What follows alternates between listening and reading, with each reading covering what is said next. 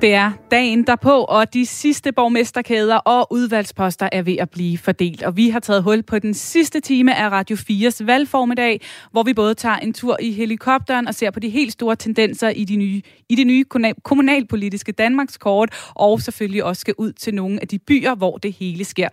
Jeg hedder Pernille Rudbæk og øh, sender normalt Radio 4's politiske magasin Mandat netop nu sammen med politisk redaktør Thomas Larsen, men i dagens anledning så har vi altså stået her i studiet lige siden klokken 9 i morges. Og så har vi også fået øh, besøg af dig, Anne Philipsen. Du har været med os hele morgenen også, og hele formiddagen. Du er normalt nyhedsvært her på øh, kanalen og holder øje med de sidste nye, der tigger ind. Og giver os lige en status på det. Jamen, øh, vi er der nu, hvor 91 af landets 98 kommuner har fundet deres borgmester. Det nævnte Thomas Sanders lige i, øh, i øh, nyhederne. Men vi mangler altså stadig at få svar på syv kommuner. Det er blandt andet Fredericia, hvor man ikke har fået en øh, officiel melding endnu. Her har man et rødt flertal på 11 mandater mod øh, Blå Bloks 10, så det ser umiddelbart ud til, at den socialdemokratiske borgmester kan beholde posten, men altså ikke meldt noget ud. Og så har vi også Faxe, Odshavet, Fredensborg, Herlev, Albertslund, Favrskov kommuner, som altså er steder, hvor vi stadigvæk mangler navnet på øh, borgmesteren.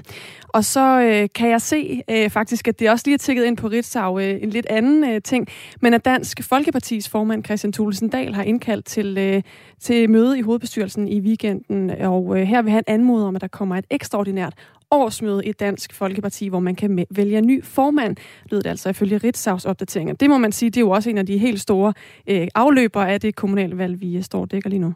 Det må man sige, Thomas Larsen. Vi talte netop om, hvornår der må kom noget fra Dansk Folkeparti. Det gør der så i weekenden. Hvad kan vi forvente os her?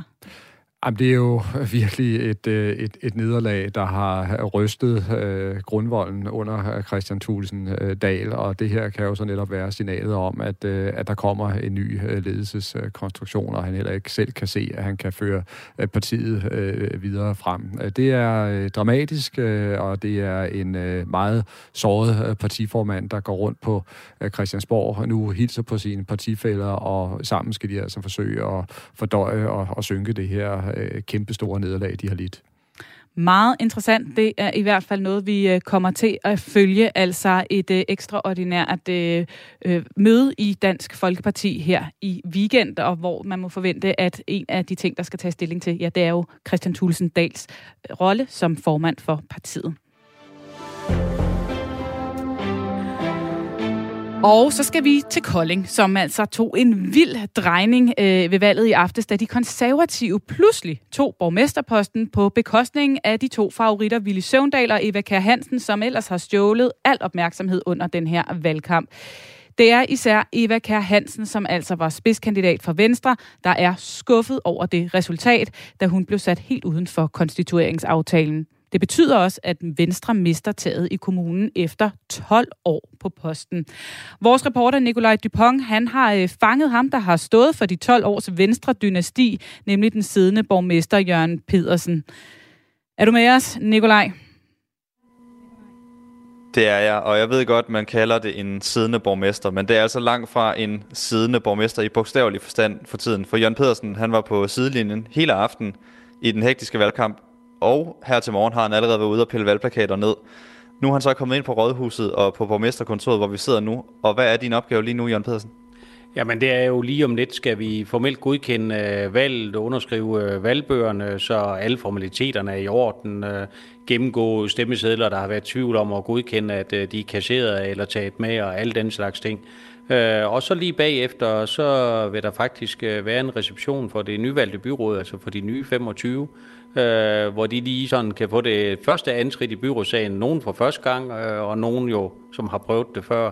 Øh, og så kan de bagefter hygge sig lidt sammen her på Rødhuset. Så, så det er sådan det, der sådan kommer til at ske øh, formelt i dag.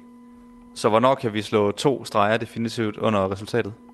Jamen, når selve resultatet, det skal jeg ikke kloge mig i, fordi det er jo det nye byråd, der bestemmer, hvornår det er definitivt. Øh, der er lagt op til, at et konstituerende møde. Den 2. i 12. skal jo være afholdt inden 15. i 12.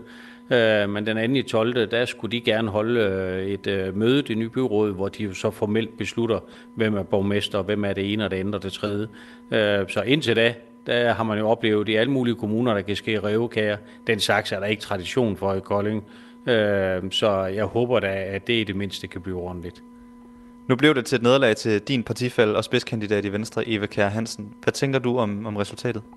Jeg tænker faktisk ikke, det er et nederlag. Det, det er faktisk lidt øh, sådan øh, en overfortolkning af det, fordi øh, havde hun gået ud på forhånd og sagt, jeg tror på, at jeg får ni mandater, så har hun sagt, det gør du aldrig. Øh, fordi jeg jo fik så fremragende et valg sidste gang, øh, bort af borgmestereffekten efter to perioder forud for det. Øh, det har hun jo ikke med. Så ni mandater er faktisk et flot resultat. Øh, der var faktisk et klart mandat fra øh, vælgerne til, at det borgerlige skulle fortsætte, øh, som det der var essensen, og så et bredt samarbejde, er jeg sikker på, at de også mener. Der var faktisk 14 ud af 25 mandater, der var borgerlige. Men sådan blev det ikke. Den ene borgerlige side øh, valgte så en anden lejr, og det er jo så det, der er virkeligheden.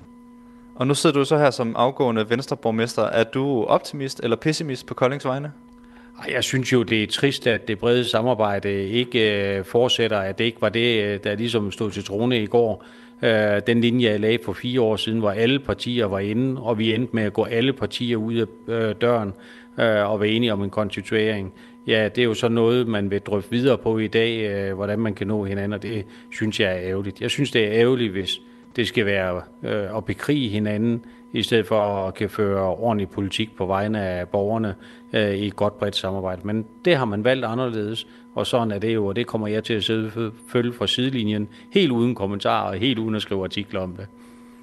Tak for det. Og så kan jeg jo lige øh, nævne, som du også selv kommer ind på her, at lige ved siden af os, inde i, øh, i lokalet ved siden af, der er forhandlingerne altså stadig i gang mellem de konstituerede parter her på Rådhuset, og det følger vi selvfølgelig med i løbende.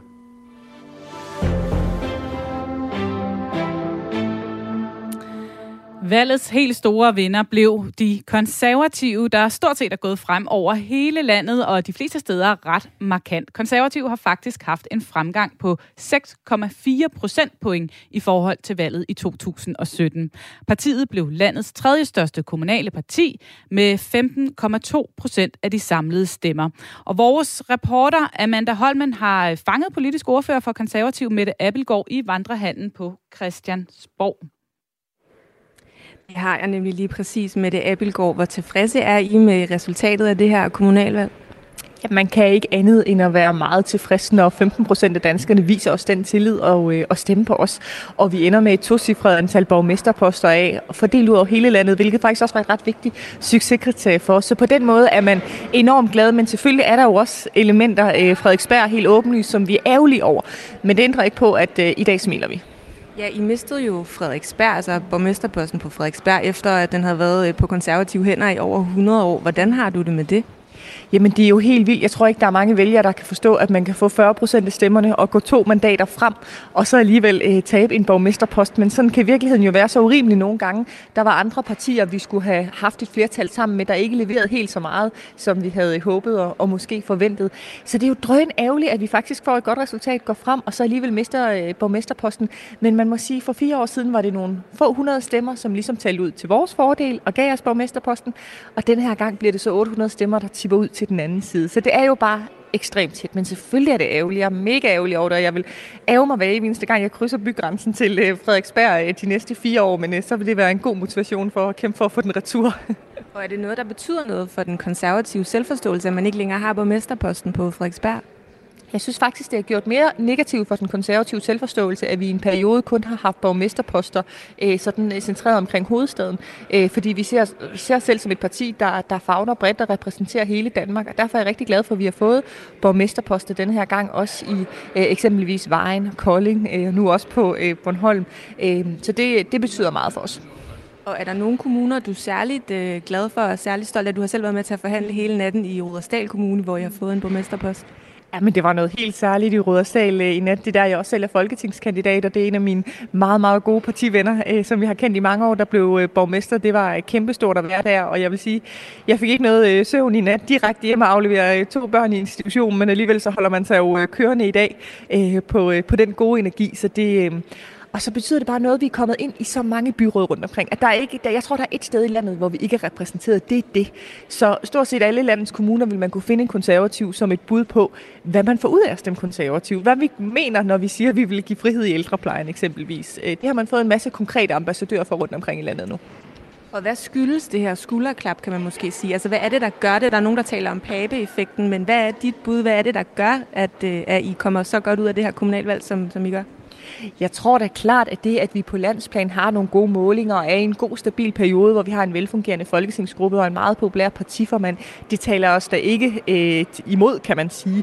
Men i sidste ende, så er det de gode lokale kampagner dygtige kandidater, som er gået dør til dør, ringet på dørklokker, signwavet, delt brosyrer ud. De har simpelthen været på gader og stræder øh, lige til det sidste. I sidste ende er det det, der afgør valget. Og kan Søren Pape Poulsen komme til at bruge det her, når han senere skal forhandle med Venstre, og at man skal finde ud af, hvordan en, hvordan en borgerlig blok skal se ud på et senere tidspunkt?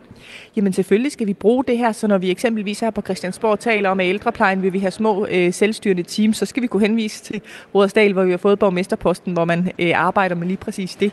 Øh, så selvfølgelig skal man kunne bruge det på den måde. Og konservativ så kommet tættere på måske potentielt at være statsministerkandidat for Blå Blok? Nu tager vi lige et øh, valg af gangen, men det er klart, en ting er gode meningsmålinger. Vi har også haft behov for lige at få nogle, øh, få nogle øh, hvad kan man sige, realitetsstandpunkter øh, på en eller anden måde, hvor vi sådan lige kunne tjekke op, øh, om det nu stemte overens det hele. Og det er klart, det er sådan et kommunalvalg.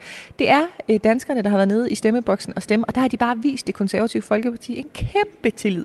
Øh, så det er klart, det giver også en, en tro på fremtiden. Tak skal du have, Mette Abelgaard, politisk ordfører for De Konservative. Ja, vi er altså i fuld gang med den sidste time af valgformiddagen øh, her på Radio 4. Og øh, nu kan jeg så sige hej, øh, hej til dig, Markus Stolze. Hej og god formiddag. God formiddag. Vi plejer at sidde over for hinanden øh, i studiet. Nu er du med på en linje, fordi vi er rykket til vores hovedkvarter i Aarhus i, i dagens anledning. Men du er jo altså fast ven af vores program Mandat, øh, fordi du er jo ekspert i politik på sociale medier. Og sådan en her valgkamp, det er jo øh, det, man øh, meget klichéfyldt kalder en festdag for demokratiet. Men jeg går også ud fra, at det må være en festdag for selfies og valgfestpost på Facebook, Instagram og, og Twitter osv. Øh, hvordan har det taget sig ud på de sociale medier? Ja, men du har helt ret. Øh, det er, øh, festen er rykket over på sociale medier, og, og, og selfies fylder også helt klart også noget. Øh, hvis vi starter med at zoome lidt ind på noget landspolitiske reaktioner derfra, så en af valgets helt store vinder, som I jo også har talt om, er konservative, som der er gået markant frem i rigtig mange kommuner. Og, og meget tidligt her i morges, der tonede øh, Søren Pape frem på Facebook øh, med en stor smilende selfies fra et festlokale inde på, hvad der ligner Christiansborg, øh, og, og, og fejret, at øh, det konservative Folkeparti har fået det, det bedste kommunalvalg i 36 år. Øhm, det er så det konser- kigger... ja, ja, altså jeg tænker, det konservative, de er glade, det kan man godt forstå, og så kigger hen mod den røde blok, så må der også være nogle glade øh, folk og spore på de sociale medier der. Ja, absolut. Øh, Pia Olsen Dyr øh, var også øh, ude øh, her ved nitiden i morges med, med en selfie med hende og Jakob Mark, som, som, øh, som var rigtig glade for, for deres valg også. Øh, de er gået frem øh, på, på landsplan, øh, og det blev også fejret med et selfie fra, fra valgfesten i nat. Øh, ja. Og øh, der er jo også et SF-medlem af Folketinget, der øh, hylder en socialdemokrat, har jeg ladet mig fortælle. Hvad går det ud på? Ja, det er, det er en sjov historie. Man kan sige, at vi har jo et regulært politisk power couple i Danmark, og det er, øh, hvad hedder det, øh, Jakob Mark, øh, øh, der er kærester og, og snart skal giftes, øh, så vidt jeg forstår, øh, fra deres sociale medier, med Christina øh, K. Hansen, som er blevet øh, borgmester endnu en gang i Holbæk med en, en, en voldsom fremgang. 58 procent af stemmerne har hun fået der. Og der var øh, Jakob Mark ude øh, sent i, i nat og, og ønske sin kæreste tillykke med, hvad hedder det, med valget, øh, hvor han starter med at skrive, at det er meget sjældent, at han deler noget fra såserne her, men, men selvfølgelig, når det er kæresten, så, så er det nok noget andet, ikke? Og hun har jo øh, haft en virkelig god valgkamp, øh, Christina Kolskyk Hansen her. Øh, hvordan har den fungeret på de sociale medier? Jamen altså, Chris, øh, Christina Hansen er klart en af de kandidater i, i, i hele valgkampen, som har været allerstærkest. Hun er enormt stærk på sociale medier. Vi kan se, at hun får rigtig mange øh, interaktioner på de opslag, hun laver. Øh, hvad hedder det? Så for mig kommer øh, det her meget gode valgresultat øh, ikke som en gigantisk overraskelse, vil jeg sige. Hun har øh, i lang tid, øh, ikke bare i valgkampen, men også i sin tid som borgmester, vist, at hun kan mobilisere noget opbakning på sociale medier, og det har nu givet på det ja, i et rigtig godt valgresultat til Christina Hansen. Og så er det jo sådan lidt dagen derpå. Øh, her øh, solen er stået op, og øh, mange politikere er nok først lige gået i seng, enten efter de har siddet og forhandlet hele natten, eller måske endda har været til valgfest. Hvordan øh, ser øh, platformene ud i dag hos for eksempel Socialdemokraterne, som måske øh, ikke øh, har haft så meget at fejre, ud over øh, så Christina her? Jamen generelt, så, så er der meget stille. Altså, der er endnu ikke kommet nogen udmelding fra Mette Frederiksen på hendes øh, sociale medier. Hun er jo ellers glad for at bruge dem øh, til at melde vigtige ting ud, og, og må ikke der kommer en reaktion derfra på et eller andet tidspunkt. Øh, omvendt så kan vi se på Sofie Hestorp Andersen, som godt nok er blevet valgt som overborgmester i København, at hun har lavet et opslag her for en times tid øh, siden på Facebook, hvor hun jo er glad for, at hun er blevet valgt som øh, overborgmester, men hun anerkender også, at Socialdemokratiet er gået tilbage, og at der ligger en hård opgave foran dem øh, for at øh, genvinde vælgernes tillid. Ja, for jeg tænker også, at når man kigger på de sociale medier, så kan man jo øh, hæfte sig ved alt det, man kan se, og alle dem, der er der, men der er jo også øh, lidt en historie igennem de nogle af dem, der måske så ikke er der. Øh, når vi kigger på dem, hvor det er gået dårligt, øh, er der så nogen, der trods alt har været ude og, og tone rent flag på de sociale medier øh, ellers? Ja, altså en, en, øh, en historie, jeg faldt over her i dag, det var, at jeg så et tweet øh, fra Morten Sjælsbæk, som er øh, eller var borgmesterkandidat øh, for konservativ i Solrød, der skrev på Twitter, at han havde, nu havde han også prøvet at være borgmester i 15 minutter. Øh, og og det, det drejer sig simpelthen om, at øh, der har været en hel del drama i Solrød Kommune, må man forstå. Øh, hvad hedder det? Øh, Morten Selsbæk øh, havde indgået en konstitueringsaftale med konservative, venstre og socialdemokratiet om lokalliste der, øh, hvor at de havde sort på hvidt. Han har lagt et billede op af selve konstitueringsaftalen på sin Facebook-profil, at han skulle være borgmesterkandidat, men meget kort tid derefter gik den øh, kandidaten for Liberal Alliance, Emil Blygger, øh, over til Socialdemokratiet. Og der er en lang række områder der, hvor jeg godt mener, at der kan man godt, øh, kan man godt stramme øh, hvad hedder det, der er jo også, hvis, altså nu har vi øh, Christian Thulesen i stedet, sådan, så de ikke kunne gå til konservative. Øh, og, og det har, det har Morten Tilsbæk lagt op på hvad hedder det, face, sin Facebook-profil, og, er, og skriver til sidst, at politik kan være skønt, men det kan godt nok også være grimt. Og, og det har vi jo også set mange andre eksempler på ude i kommunerne rundt omkring. Ikke bare det her valg, men også ved andre valg.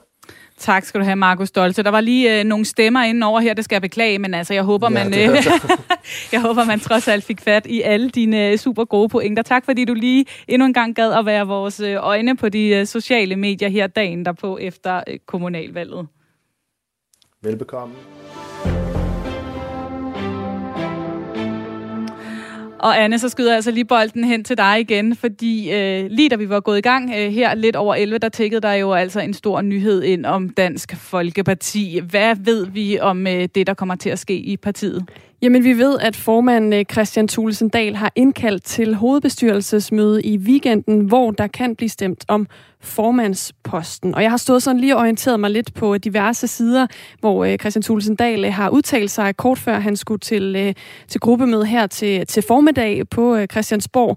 Og øh, det er lidt kryptisk, hvad der præcis er udmeldingen fra ham. Altså, der er den her udmelding om et, et hovedbestyrelsesmøde i weekenden, hvor man kan stemme om formandsposten. Til DR, der siger han øh, nej, når han bliver spurgt, om han stiller op til det valg. Men han svarer også noget efter, som måske gør, at det ikke er helt så sort-hvidt. Men det er i hvert fald noget af det, der bliver interessant jo at se, om han overhovedet melder sig på banen, eller om, øh, om han simpelthen har meldt sig ud øh, på forhånd. Vilde meldinger her, Thomas Larsen. Hvordan tolker du det?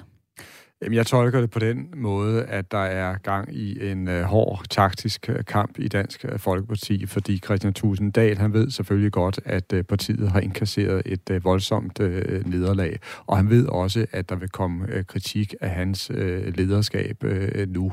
Det han sådan set gør, det er at prøve at tage den her kritik i, i forkøbet, og så siger han i virkeligheden til sine partifælder, hvis I vil af med mig, så er jeg sådan set klar. Det kan være, at der er brug for det.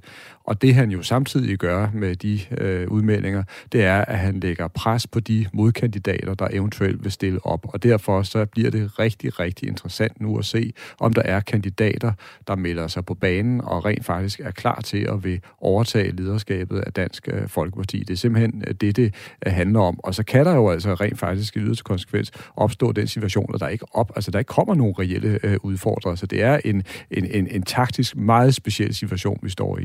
Ja, for når man lige kigger ud over øh, Dansk Folkeparti-landskabet her, så er det da umiddelbart svært lige at pege på den, det så skulle være. Ja, det er det her nu, øh, og det er selvfølgelig også noget af det, som Christian Tusinddal han har inde i sine tanker øh, nu. Øh, der er ingen tvivl om, at han, han ved jo godt, at han kommer til at, at stå med, med valgnederlaget på sine skuldre, men jeg tror også stadigvæk, selvom altså, han har gået fra valgnederlag til valgnederlag, Øh, at han føler en stor, øh, stort ansvar for at prøve at, at bringe øh, partiet på, på rette øh, spor i, øh, igen. Og så vil han gerne se, at er der nogen, der kan gøre det øh, bedre, jamen altså, så stiller jeg frem. Ja, jeg kan lige supplere. Nu talte jeg om det her med de sådan lidt kryptiske udmeldinger. Altså, han bliver spurgt af både DR og TV2, om han selv stiller op som formand. Og til det, der svarer han altså, nej, det er klart, at et ekstraordinært årsmøde laves for at starte på en frisk og komme ud af det dødvande, vi har været i. Det er altså en svar på det her spørgsmål om, hvorvidt han stiller op. Ja, men der skal netop være nogle kandidater, Præcis. der melder sig på banen, og det er det, der virkelig bliver uh, interessant, og også om det er nogle kandidater, der har en chance for at bringe uh, partiet uh, videre. Så jeg er meget, meget spændt på, hvad der kommer til at, at ske nu. Altså, jeg mener uh, personligt, at en som Morten Messerschmidt, han er udelukket, men altså ved en Peter Kofod rykke nu, vil han melde sig på banen, vil han uh, sige, nu er det tid til et generationsskifte at tage over. Uh, kunne man forestille sig, at uh, der sidder nogle uh, utilfredse DF'er fra baglandet, øh, der vælger at stille op. Ja, altså, øh, vi har en lytter her, Erik, der spørger, kan Martin Henriksen gå efter formandsposten? Det er et rigtig, rigtig godt øh, spørgsmål, og jeg tror, det er noget, som Martin Henriksen han vil overveje. Men det du siger, Thomas, det er, selvom at øh, Christian Thulesen Dahl, han nu går ud og siger, at han stiller ikke op, han har vel de facto sagt, at han øh, ser ikke sig selv fortsat som formand, så kan han alligevel godt fortsætte. Jamen, der er flere etaper i det her, hvis jeg har forstået det rigtigt. Det er fuldstændig rigtigt en helt speciel situation, der udvikler sig på Christiansborg, men altså det, han i virkeligheden har lagt op til, sådan som jeg har forstået, det er, at han siger, at hvis hovedbestyrelsen mener, at der skal indkaldes til et ekstraordinært, ekstraordinært øh, årsmøde eller landsmøde, ikke? Øh, så er han sådan set øh, klar på det, så er det det, der må, må, må ske, men så er det i virkeligheden også dem, der skal beslutte det. Okay, så han spiller bolden over til de andre nu og her. Det er det, jeg mener, der er mm. pointen mm. i det. Han vil simpelthen se, om der er nogle reelle udfordrere, der, der stiller op. Og øh, gør de det, så er der ingen tvivl om, så er han klar til at, at vige øh, pladsen. Det er det, der bliver sagt øh, sort på, på, på hvidt. Men er der ikke nogen reelle udfordringer, udfordrere, der stiller op, så tror jeg også forventer, at nu øh, holder de mund, for at sige det lige ud. Nu holder de ro på internt, og så prøver de at samle stumperne frem mod næste folketingsvalg. Og vi talte jo tidligere med Martin Henriksen, som også sagde, at nu skulle der ske nogle forandringer. Han var dog egentlig ikke så øh, bramfri i forhold til at sige, at øh, formandskiftet skulle være nu og her. Men du siger, at han alligevel også må gå i tænkeboks i forhold til, om han kunne gå ind og overtage posten. Ja, fordi nu er øh, Christian Tusinddal i virkeligheden i gang med at, at, at, at sætte gang i hele den her øh, proces, ikke? og han går simpelthen aktivt ud for at se, er der nogen øh, udfordrere, er der nogen, der vil stille øh, sig frem, er der nogen, der vil tage ansvaret på deres skuldre. Og så øh, er der jo, du siger, Peter Kofod kan komme på banen. Er Pia Kærsgaard helt ude af loopet?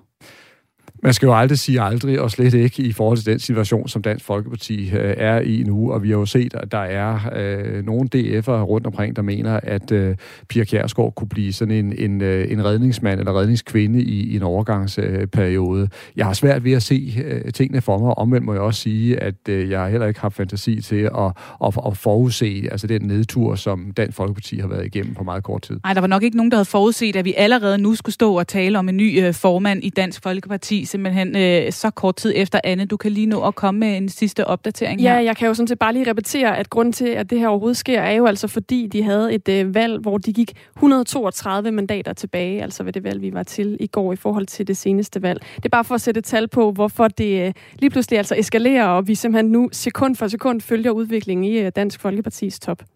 Det er altså en rigtig stor nyhed, der er tækket ind her, mens vi har sendt valgformiddag på Radio 4. Vi har heldigvis en halv time mere øh, til at blive klogere på, hvad det helt præcis er, der skal ske i øh, Dansk Folkeparti her frem mod weekenden.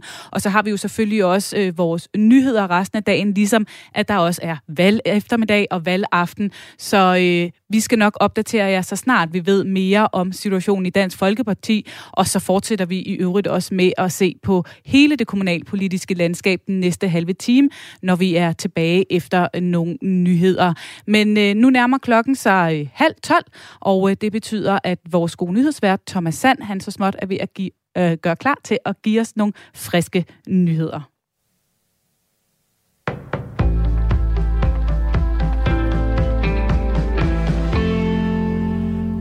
Dansk Folkepartis formand Christian Thulesen Dahl har indkaldt partiets hovedbestyrelse til møde i weekenden. Han vil anmode om, at der kommer et ekstraordinært årsmøde i Dansk Folkeparti, hvor man kan vælge en ny formand. Det er klart, at øh, med det resultat, vi har fået, så er det jo en situation, hvor jeg også må påtage mig mit ansvar. Og øh, øh, vi står i en situation, hvor jeg vurderer, at der godt kan være brug for, at man prøver noget helt nyt. Udmeldingen kommer efter et katastrofalt dårligt kommunalvalg for partiet, hvor man har mistet 60 procent af mandaterne, eller 132 mandater, mens Nye Borgerlige samtidig er gået frem med 64 mandater. Forløbig har 91 kommuner fundet en borgmester, 39 er fra Socialdemokratiet, 35 kommer fra Venstre og 12 er fra de konservative. SF har fået to borgmestre, mens de radikale og Slesvigsk Parti hver har fået en. Forhandlingerne i de enkelte kommuner kan løbe helt frem til det konstituerende møde, som afholdes i perioden 1. til 15. december. De nye kommunalbestyrelser og byråd tiltræder 1. januar 2022. Socialdemokratiet bløder vælgere ved både kommunal- og regionalvalget. I Nordjylland har det overraskende kostet formandsposten i regionsrådet, hvor partiet ellers havde stået i spidsen siden regionens oprettelse i 2007. Politisk redaktør her på kanalen Thomas Larsen mener, at valget er en massiv skuffelse for regeringspartiet med statsminister Mette Frederiksen i spidsen mange af de øh, venstrevælgere, der egentlig var på vej væk fra partiet, de er faktisk et med at komme tilbage i, igen, øh, fordi de er blevet øh, øh vrede over øh, det, de har set fra regeringens øh, side. Jeg tror, de har taget øh, afstand fra øh, Mette Frederiksens håndtering af altså hele øh, Mink-sagen, og, og derfor så er de ligesom søgt hjem igen, og det er Jakob Ellemann Jensens store held. Han nævner, at det også kan have kostet, at Mette Frederiksen har været i strid med landets sygeplejersker. I Regionsrådet i Nordjylland er Socialdemokratiet stadig det største parti med 35,1 procent af stemmerne, men det er en tilbagegang på 6,4 procentpoint. Dermed får partiet 15 mandater i Regionsrådet. Venstre er næst størst med 25,2 procent, en lille fremgang på 0,7 procentpoint, der dog ikke rykker ved, at partiet fortsat har 11 mandater i rådet. For første gang får det tyske mindretal en borgmester i Danmark. Det bliver i Tønder, hvor Slesvigsk Parti tager kæderne. I den her konstitueringsaftale, der er det undertegnet Jørgen Pop Petersen, det øh, er blevet udnævnt som øh, borgmester. Det er en ny start for Tønder Kommune siger han til TV Syd. Bag sig har Jørgen Pop Petersen 21 mandater fra partierne Slesvigsk Parti, Borgerlisten, Socialdemokratiet, Venstre, Nye Borgerlige og De Konservative. Dermed bliver den siddende borgmester Henrik Fransen forbigået. Hans nystartede parti Tønderlisten blev ellers valgets største i kommunen. Og der er nu sat navn på alle landets fem regionsrådsformænd. I Region Midtjylland har Anders Kynav fra Socialdemokratiet genvundet formandsposten. I Region Hovedstaden har man meldt ud, at Lars Gårdhøj fra Socialdemokratiet fortsætter som formand. I Region Sjælland fortsætter Socialdemokraten Heino Knudsen på posten, mens Venstre Stefanie Lose strammer grebet om posten som formand for Regionsrådet i Syddanmark med en fremgang på tre pladser i Regionsrådet. Mest opsigtsvækkende blev resultatet i Region Nordjylland, da flertallet for første gang i 14 år skiftede fra rødt til blåt og gjorde Venstres Mads Duedal til ny formand. Og med det nåede vi frem til et kig på vejret i dag. Skyet og regn til hele landet, men i løbet af dagen klarer det op vestfra med lidt sol og spredte byer. Dagtemperaturer i dag op mellem 7 og 10 grader. Det var nyhederne på Radio 4 med Thomas Sand.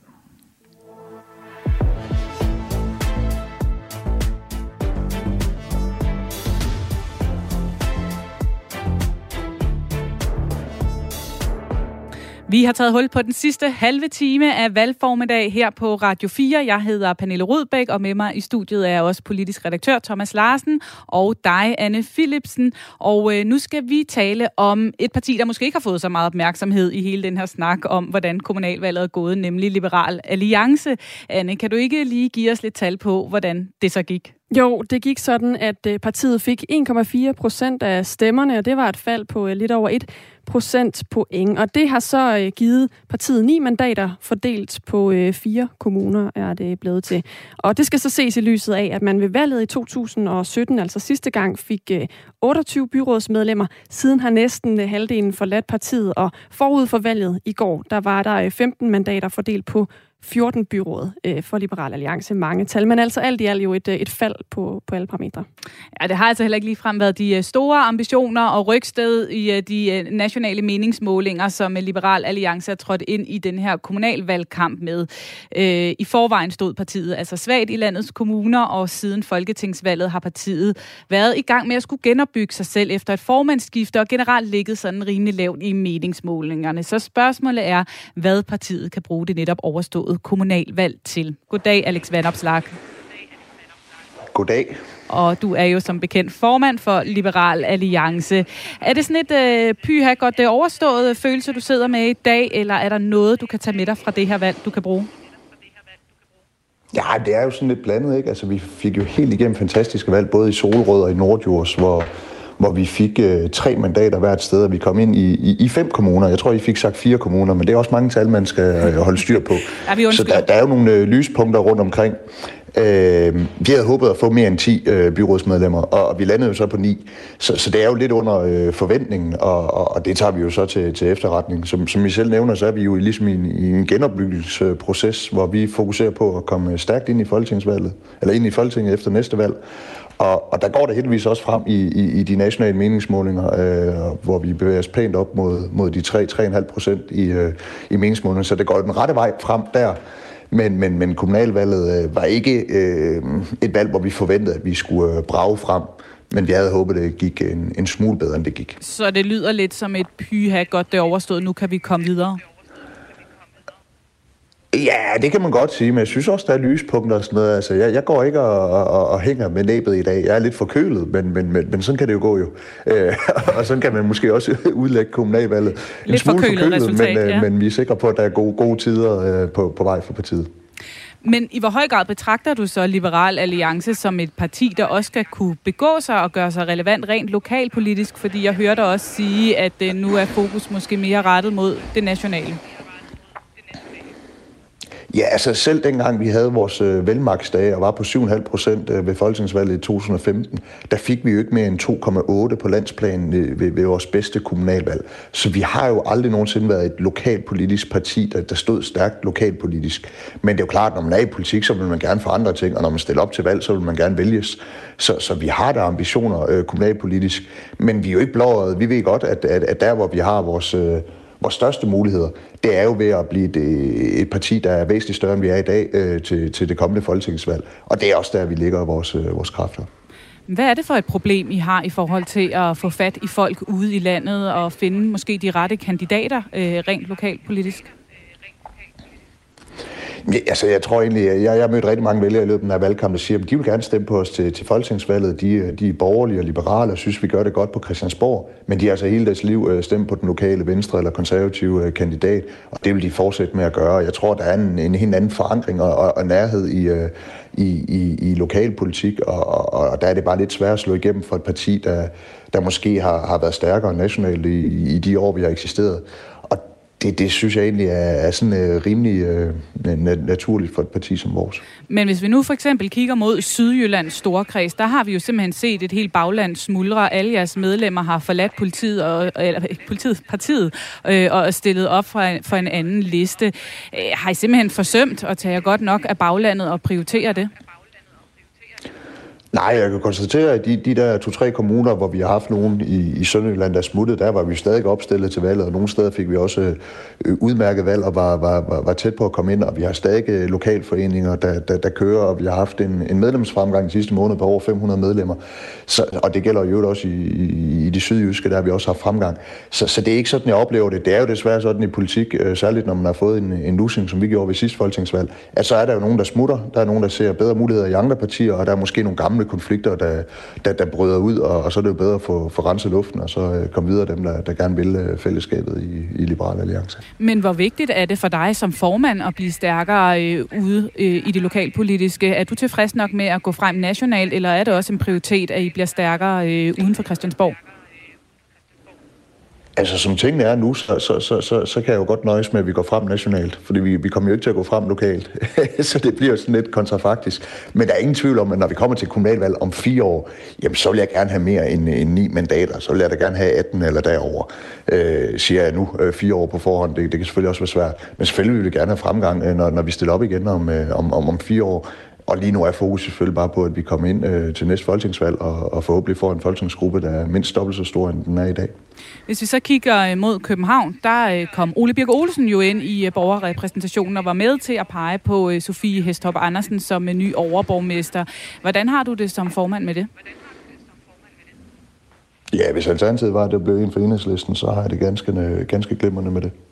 Så det kan du sagtens leve med. Hvordan ser du, at Ole Birk Olsen kan komme til at spille en relevant rolle for Liberal Alliance i en kommune, der er så rød?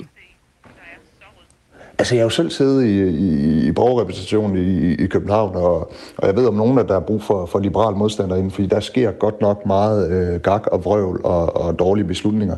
Og øh, hvis der er en vagthund, jeg vil være tryg ved at sende ind i Københavns øh, borgerrepræsentation, så er det øh, Ole Birk. Så jeg er sikker på, at han kan yde god modstand. Og så altså, situationen i København er jo den, at hver gang Socialdemokratiet skal lave voksenpolitik, det vil sige hver gang der skal bygges boliger, hver gang der skal findes penge, hver gang der skal laves effektiviseringer, ja, så laver de jo den politik med blå blok. Og der har Blå Blok jo så indflydelse, uanset om de har et mandat eller fire mandater. Så, så der er jo nogle, nogle, nogle fine muligheder også for et lille blåt parti på, på, på rådhuset. Både til at yde en vigtig modstand, men også gribe de muligheder, der er, når der skal laves øh, voksenpolitik. Helt overordnet her til sidst, øh, Alex Van Amslark. Øh, nu er kommunalvalget overstået. Det gik øh, lidt øh, mindre godt, end du måske havde håbet på. Øh, står I styrket eller svækket tilbage i hele den her genopbyggelsesfase, som øh, taler om I er midt i? Jamen altså, vi står jo helt generelt styrket. Øh, vi, det er jo ikke mere end på uger siden, vi havde nogle meningsmålinger på landsplan på, på, på 4% og der er flere og flere målinger, der er over 3% Så generelt står partiet styrket. Men det er jo klart, hvis man ser på antallet af byrådsmedlemmer, ja, så stod vi stærkere i forgårs, end, end, end vi gør i dag. Øh, og det er jo så, som, øh, som det er. Det fjerner ikke min, min håb og tro på, at vi kan komme stærkt ud af det ved det næste folketingsvalg, og vi har masser af kampgejster og, og, og tro på tingene. Så vi er på ingen måde slået ud af det her. Øh, tværtimod, så, øh, så bliver vi ved med at knokle på. Tak skal du have, Alex Vandopslag, som jo altså er formand for Liberal Alliance.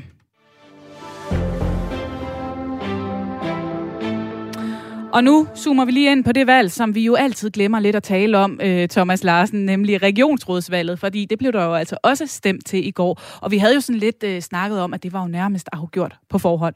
Og så skete der alligevel lidt nyt. Ja, fordi det, der kom til at ske i regionerne, det afspejler jo sådan set også det, der kom til at ske ud over hele landet i, i kommunerne, øh, nemlig at øh, valget blev en skuffelse for Socialdemokratiet, der mistede altså øh, en, en post øh, i, i, øh, som, som regionsrådsformand til Venstre, øh, sådan så vi nu har en fordeling, øh, der hedder, at der sidder øh, Venstrefolk i to af regionerne, i spidsen af to regionerne, øh, og så sidder der altså så øh, Socialdemokrater i de næste øh, tre. Så også på den led, så må man sige, at valget er blevet en skuffelse for øh, Socialdemokratiet. Og øh, nu har vi så fået en, øh, en venstremand på posten i, øh, i Nordjylland, og øh, ham har vi faktisk med direkte nu. Mads Duedal, kommende regionsrådsformand i Region Nordjylland. Tillykke med det valget. Nu skal jeg lige have tændt for den rigtige. Øh, er du med os, Mads Duedal? Telgo, ja, jo. jeg skal lige have skruet op for den øh, rigtige øh, her. Jeg prøver igen. Mads Dudal, er du med os? Nu tror jeg, jeg ramte den rigtigt. Det, det skulle tage tre forsøg. Det beklager jeg meget. Vi har, vi har sendt et par timer. Vi ramte den rigtige her med Studal, altså kommende regionsrådsformand i Region Nordjylland, valgt for Venstre. Hvorfor tror du, at nordjyderne synes, at det var tid til et skifte, og at der nu skulle sidde en øh, borgerlig øh, som formand for regionsrådet op ved jer? Ja, der er nok mange begrundelser der. Øhm, altså, vi har jo haft socialdemokratisk formand ikke bare i regionernes levetid, men også tilbage i amterne siden 78. Så jeg tror, der var mange, der mente, det var tid til et skifte. Og så har vi jo generelt et sundhedsvæsen i Nordjylland, som er presset på mange fronter. Landets længste ventelister, lægemangel, et øh, sundhedsvæsen, hvor rigtig mange medarbejdere føler rigtig, rigtig hurtigt og har svært ved at overskue fremtiden. Så det, det, det trænger til forandring og ny energi. Socialdemokratiet, de går øh, tre mandater tilbage. Er det øh, resultat, som du sidder med i dag, tror du et udtryk for, at de har valgt dig til, eller de i højere grad har valgt Socialdemokraterne fra? Oh, det, må du nok, nok næsten hellere spørge vælgerne om. Altså, jeg må bare tillade mig at være ovenud tilfreds. Vi har vundet Nordjylland for første gang i 40 år, og det er endda med det Frederiksens eget bagland. Det bliver ikke meget større i Venstres øh, regionale historie, så jeg tænker, at det må være et kæmpe tilvalg af Venstre, det her. Og, og, og hvorfor tror du, altså du har været lidt inde på det, men hvordan kommer øh, Region øh, Nordjylland til at kunne mærke, at der nu sidder en, en blå øh, regionsrådsformand ved bordenden? Ja, altså først og fremmest så er det øh, en ny formand, der har visioner om, at vi, vi kan gøre tingene endnu bedre, og også vælge at prioritere, at noget er vigtigere end noget andet. Og, øh, og det, øh, det kommer til udtryk i forhold til, at vi må sige, at vi må rydde op i byråkratiet. Vi må se på administrationens størrelse i stedet for, så må vi jo sikre, at vi får endnu flere kolleger til de mange dygtige medarbejdere i sundhedsverdenen, der løber alt for hurtigt lige for tiden. Vi øh, har jo øh, løbende talt om her i studiet, at vi faktisk ikke har talt så meget om øh, regionsrådsvalgene, fordi at man ligesom gik ud fra, at de var mere eller mindre givet på øh, forhånd. forhånd. Øh, hvad sidder du tilbage med for en fornemmelse i forhold til den her valgkamp? Fordi nu skete der jo faktisk en lille forandring øh, i præcis din ja. region. Ja, det er jo lidt sjovt. Vi har prøvet at råbe op længe for min valgkamp om til diverse medier, at der faktisk var en forandring på vej, men der er ikke rigtig nogen, der har budt ind på den. Så jeg tænker, at kommentatorerne de må også tage det lidt til efterrationalisering, hvorfor man dog ikke har undersøgt det endnu bedre. Jeg synes, det har været lidt forfejlet, man bare har tænkt, at det hele det bare var, som det plejede. Så det kommer ikke helt bag på os, det blev et meget tæt valg, det her. Og hvis man nu gør øh, regnskabet op rent landspolitisk, så står den altså nu øh, ikke længere 4-1 til Socialdemokraterne, men kun øh, 3-2 på øh, regionsråds, øh, øh, hvad kan man sige, øh, øh resultattavlen her. Øh, hvad betyder det? Ja, det vil jo øh, givetvis betyde noget i forhold til spillet om øh, de danske regioners formandspost. Det er jo ikke noget, jeg sidder med. Det er jo Stefan Lose, der forhandler for os, men jeg håber da, at vi kan finde et flertal, så vi beholder den meget vigtige post. Og så betyder det jo også, at at vi kommer til at se en, tænker jeg, en, en mere ligevægtighed, når vi skal diskutere sundhedspolitik fremadrettet, både lokalt, men også nationalt. Fordi der vil jo øh, komme til at stå venstre på to regioner. Tak skal du have, Mads øh, Dueholm, der altså er øh, kommende regionsrådsformand for Venstre i Region Nordjylland. Og Thomas, øh, nu snakkede vi lige lidt om regioner, men jeg kunne faktisk også godt tænke mig lige at dvæle lidt ved, øh, ved Venstre, som vi også har været inde på her. Nu får de altså en post mere øh, ved regionsrådet. Hvad betyder det for øh, et parti som Venstre? Jamen helt generelt, så er der jubel i Venstre, og ikke mindst i, i Nordjylland, hvor det er gået altså markant bedre, end nogen havde troet. Det gælder altså både i forhold til nogle af kommunerne, men det gælder jo altså også netop i forhold til, til regionen uh, her. Jamen det betyder jo i forhold til regionerne, at uh, nu sidder der uh, venstrefolk på helt centrale pladser, og de skal være med til at også finde ud af, hvordan fremtidens uh, sundhedsvæsen skal indrettes, og der venter faktisk nogle kæmpe opgaver lige rundt om, om hjørnet, fordi det, der er helt sikkert, øh, det er, at nu skal man til at, at forhandle om, øh, hvordan man kan skabe større øh, nærhed og større sammenhæng i sundhedsvæsenet. Der er kommet flere udspil allerede, og nogle af de udspil, de ligger jo altså op til, at der skal laves lokale, nogle kalder det nærhospitaler, andre vil kalde det sundhedscentre. Øh, det skal der placeres rundt om i, øh, i landet, og så skal der også gøres en indsats for at få en, øh, en bedre lægedækning. Så der er altså nogle store opgaver, der venter. Og, og netop sundhedsvæsenet har jo, øh, vi har snakket lidt om det, de har jo råbt op, de er knæ, der er store sundhedsreformer på vej, og alligevel er de ikke rigtig trængt igennem i den her øh, valgkamp. Hvordan kan det være? Det er, synes jeg, dybest set et øh, problem for ikke bare øh, regionerne, men i virkeligheden også for det lokale demokrati. Det er et problem, at de er så usynlige øh, for danskerne og ikke øh, altså står øh, stærkere over for, for vælgerne. Og det kan være, at medierne har en del af ansvaret. Det tror jeg er en, øh, en, en pointe. Men det handler jo også om, at regionspolitikerne på en helt anden måde skal komme øh, ud og, og vise, at de er en, en, en faktor i det politiske Danmark. Og vi har jo også hørt analytikere sige, at partierne simpelthen ikke øh, prioritere øh, de rette kandidater, dem der måske kan råbe op og skabe noget opmærksomhed til det her. Er regionerne bare ved at miste deres relevans lidt? Det har jo faktisk været et problem for dem lige fra, fra, fra fødslen, at, øh, at de har haft svært ved at finde deres øh, ben mellem landspolitikken og så øh, lokalpolitikken. Øh, og det er det jo altså stadigvæk, øh, kan vi se. Og så er det også klart, at det har også svækket regionerne undervejs, at der har været flere forslag om simpelthen at, at, at vil droppe dem, skære dem væk. Øh, det er jo selvfølgelig en debat, der har øh, været med med til at svække dem. Vi har taget hul på de aller sidste 10 minutter af den her valgformiddag på Radio 4. Tak fordi du øh, lytter med derude. Anne Philipsen, du er kvinden, der holder øje med sidste nye. Kan du ikke lige give os en kort status på, hvad det er for nogle nyheder, der dominerer billedet lige nu? Jo, for i lidt tidligere, der nævnte jeg det her med, at vi stadig manglede syv navne på borgmester, altså syv kommuner, hvor vi ikke havde fået borgmesterens navn endnu. Nu har vi fået et af de syv, så nu er vi nede på seks. Vi tæller ned her. Ja, det gør vi. Øhm, det er smukt, og, hvis vi når i mål, inden ja, vi er færdige med at sende pænt af dem. Ikke? Øhm, det gælder Fredensborg Kommune, for her der tager Socialdemokraten Thomas Lykke Pedersen nemlig fire år mere i uh, borgmesterstolen. Det er lige blevet meldt ud, det siger han uh, og bekræfter kommunen over for øh, DR. Så dermed altså seks kommuner, som vi stadig uh, mangler svar på. Jeg kan lige nævne dem. Ja. Det er Faxe Kommune, det er Ådshavet, det er Herlev, Albertslund, Fagerskov og så Fredericia, som vi altså stadig ikke kender i hvert fald officielt kender navnet på borgmesteren. Og hvordan er stillingen på partierne så her nu? I forhold til, øh, hvor mange de har i alt? Ja, i forhold til Jamen, så er ja. vi jo oppe på, nu skal jeg jo simpelthen lige opdatere, så jeg ikke siger noget forkert. Mm. Jeg øh, kan sige, at vi er oppe på øh, 40 borgmestre fra Socialdemokratiet. 35 af landets øh, borgmestre, eller kommende borgmestre, er det jo, kommer fra Venstre. 12 er fra Konservative, og så er vi stadig der, hvor SF har øh, fået to borgmesterposter og Radikale Venstre har fået en enkelt, og så Slesvigsk Parti, debutanterne inden for borgmestergærningen, øh, har fået en, det er i Tønder Kommune. Så det er stillingen lige nu. Og så vender vi os øh, igen mod Dansk Folkeparti, hvor der altså sker store nyheder netop nu. Cirka klokken 11, ja, der gik Dansk Folkeparti til gruppemøde, og de sidder der endnu. Men på vejen ind, der var vores reporter Amanda Holmen på pletten, da Christian Tulsendal han stillede sig op til interview, og der sagde han altså sådan her. Jeg øh, har bedt om at få vores hovedbestyrelse indkaldt her i weekenden.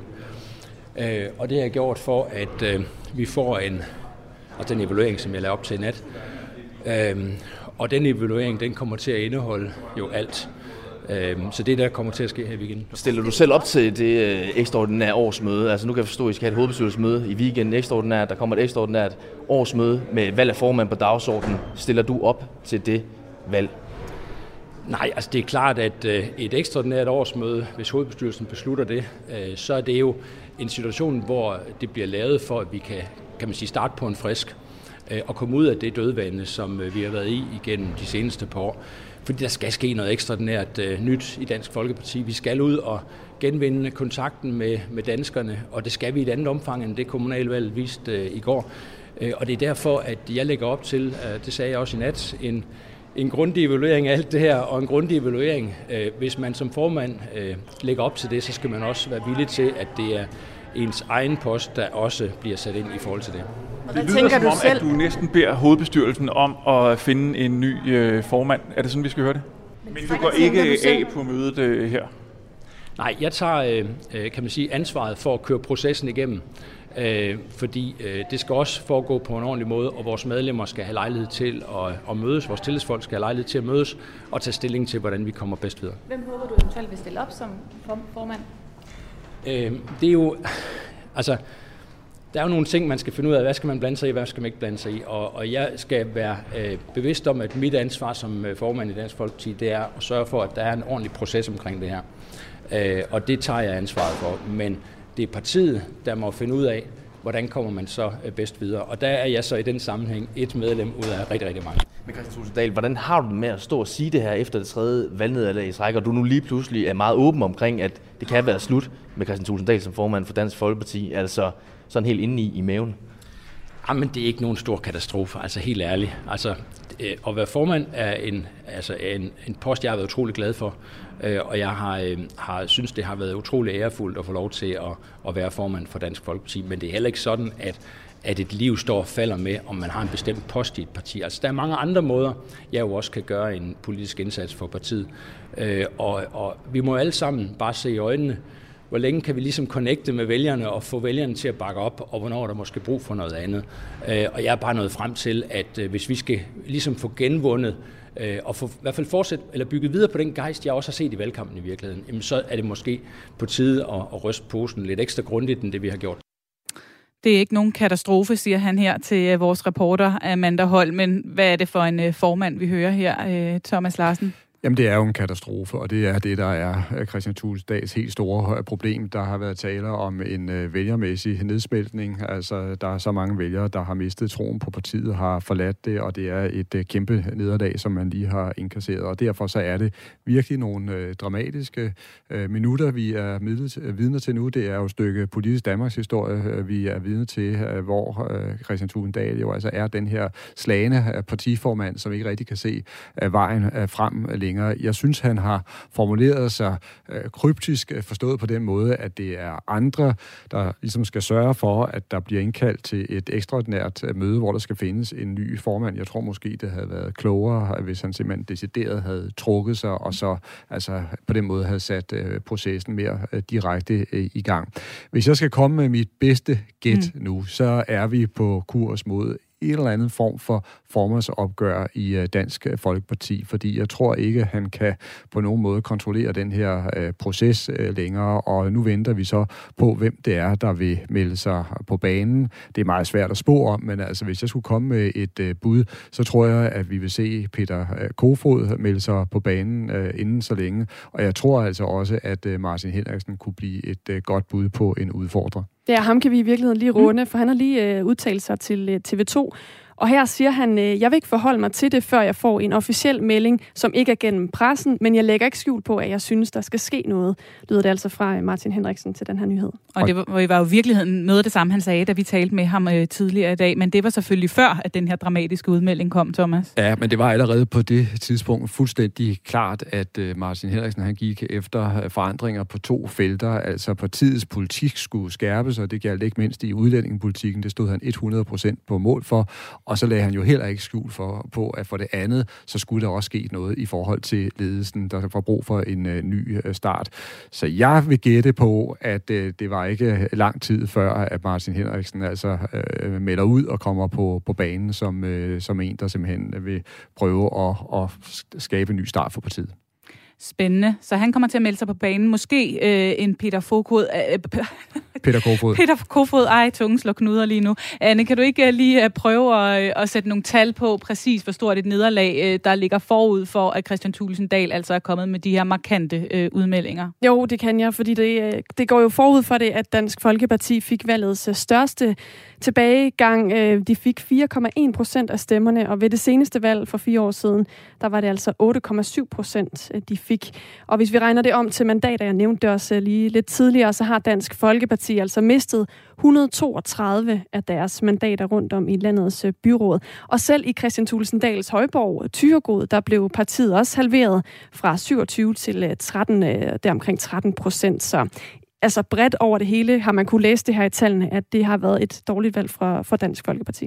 Således øh, ser det ud til, at vi kan runde den her valgform i dag øh, ud med, øh, af med et stykke øh, politisk Danmarks historie. Vi startede øh, morgen med at snakke rigtig meget om Socialdemokraterne og det hakketuden, de har fået. Nu står vi her og kan næsten ikke snakke om andet end Dansk Folkeparti. Thomas Larsen, hvad kommer du til at huske det her kommunalvalg øh, valg for? Jamen, jeg tror, at når historiebøgerne skal skrives, så, så bliver det jo netop øh, historien om en øh, indtil nu meget, meget stærk og dominerende statsminister, der oplevede øh, at få en øh, øretæve fra vælgerne, selvom det er lokale valg, så er der ingen tvivl om, at statsministerens øh, dårlige sager har smittet af på Socialdemokratiets øh, ringe øh, valgresultat. Så er det et øh, stort gennembrud for øh, Søren Pape Poulsen. Øh, han har for alvor bragt de konservative ud i kommunalpolitikken, der står partiet meget, meget stærkere efter valget, og det har også givet ham et rygsted i forhold til at kunne blive en kommende borgerlig statsministerkandidat. Og så vil det selvfølgelig også blive historien om øh, DF's øh, tidligere storhed, der nu er blevet forvandlet til et fald af dimensioner, som jeg ikke tror ret mange havde forestillet sig for kort tid siden. Og så er det også, øh, tyder alt på tænkeligt, at det her det også bliver rammen om Christian Tusinddals farvel som formand for Dansk Folkeparti. Ja, vi må vel sige, at det ser ikke ud til, at øh, han kan kalde sig formand meget længere endnu. Øh, Anne, helt kort ris lige op. Hvad er det, der er i kalenderen i forhold til Dansk Folkeparti øh, de kommende dage? Jamen det er jo altså, at øh, der er blevet indkaldt til det her møde, hvor øh, Christian Tulsendal har gjort det op som en mulighed i hvert fald, at der skal findes en ny formand, og også har meldt ud, at han ikke selv øh, umiddelbart stiller op til det valg. Det her weekenden, at det foregår det her møde. Og øh, lige nu er de jo altså så internt til møde i partiet på Christiansborg her til formiddag. Måske bliver vi klogere senere på dagen, så følger vi selvfølgelig op. Men ellers så er det jo helt sikkert i weekenden, at det store slag skal stå som øh, formandsposten. Så selvom øh, kommunalvalget øh, er begyndt at tage sin afslutning rundt omkring de fleste steder, er konstitueringerne faldet på plads, ja, så starter der altså en helt ny spændende historie om, hvad der skal ske med Dansk Folkeparti. Og så er det jo altså heller ikke slut med valgdækningen her på kanalen. Klokken tre, der øh, indtager Kasper Harbo og Jakob Grosen studiet her igen og stiller skarp på de personlige dramaer. og Dem er der ved Gud øh, nogen at tage fat øh, på af. Og Anne, du er også med øh, ja, her til eftermiddag. Og øh, så fortsætter de helt frem til klokken 18, hvor Aftenradioen altså også fortsætter med at samle op på kommunalvalget. Så der er alt mulig god, god grund til at blive hængende. Selvfølgelig også til nyhederne, som er der hver time til at give dig sidste nye, og det er der også nu. Tak for i dag.